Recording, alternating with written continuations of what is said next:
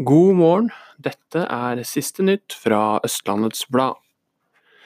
Frank Vestby er tidligere rektor på Drømtorp videregående, og også tidligere daglig leder i Follo HK. Nå er han ansatt som ny skolesjef i Frogn kommune. Det var helt hinsides at jeg ble siktet for dokumentfalsk, sier han om tidligere kontroverser. Obos vil rive tre bygninger i Valdemar Høyveien 1 i Ski sentrum for å bygge boliger. Og sjefen for garderobemannen ved Nygårdskrysset? Hun heter Sara. Det er mange som synes det er morsomt, forteller hun til ØB. I fjor ble butikken kåret til den beste av, land, av kjedens 22 butikker i Norge. Siste nytt fra Østlandets Blad fikk du av Eirik Løkkemoen Bjerklund.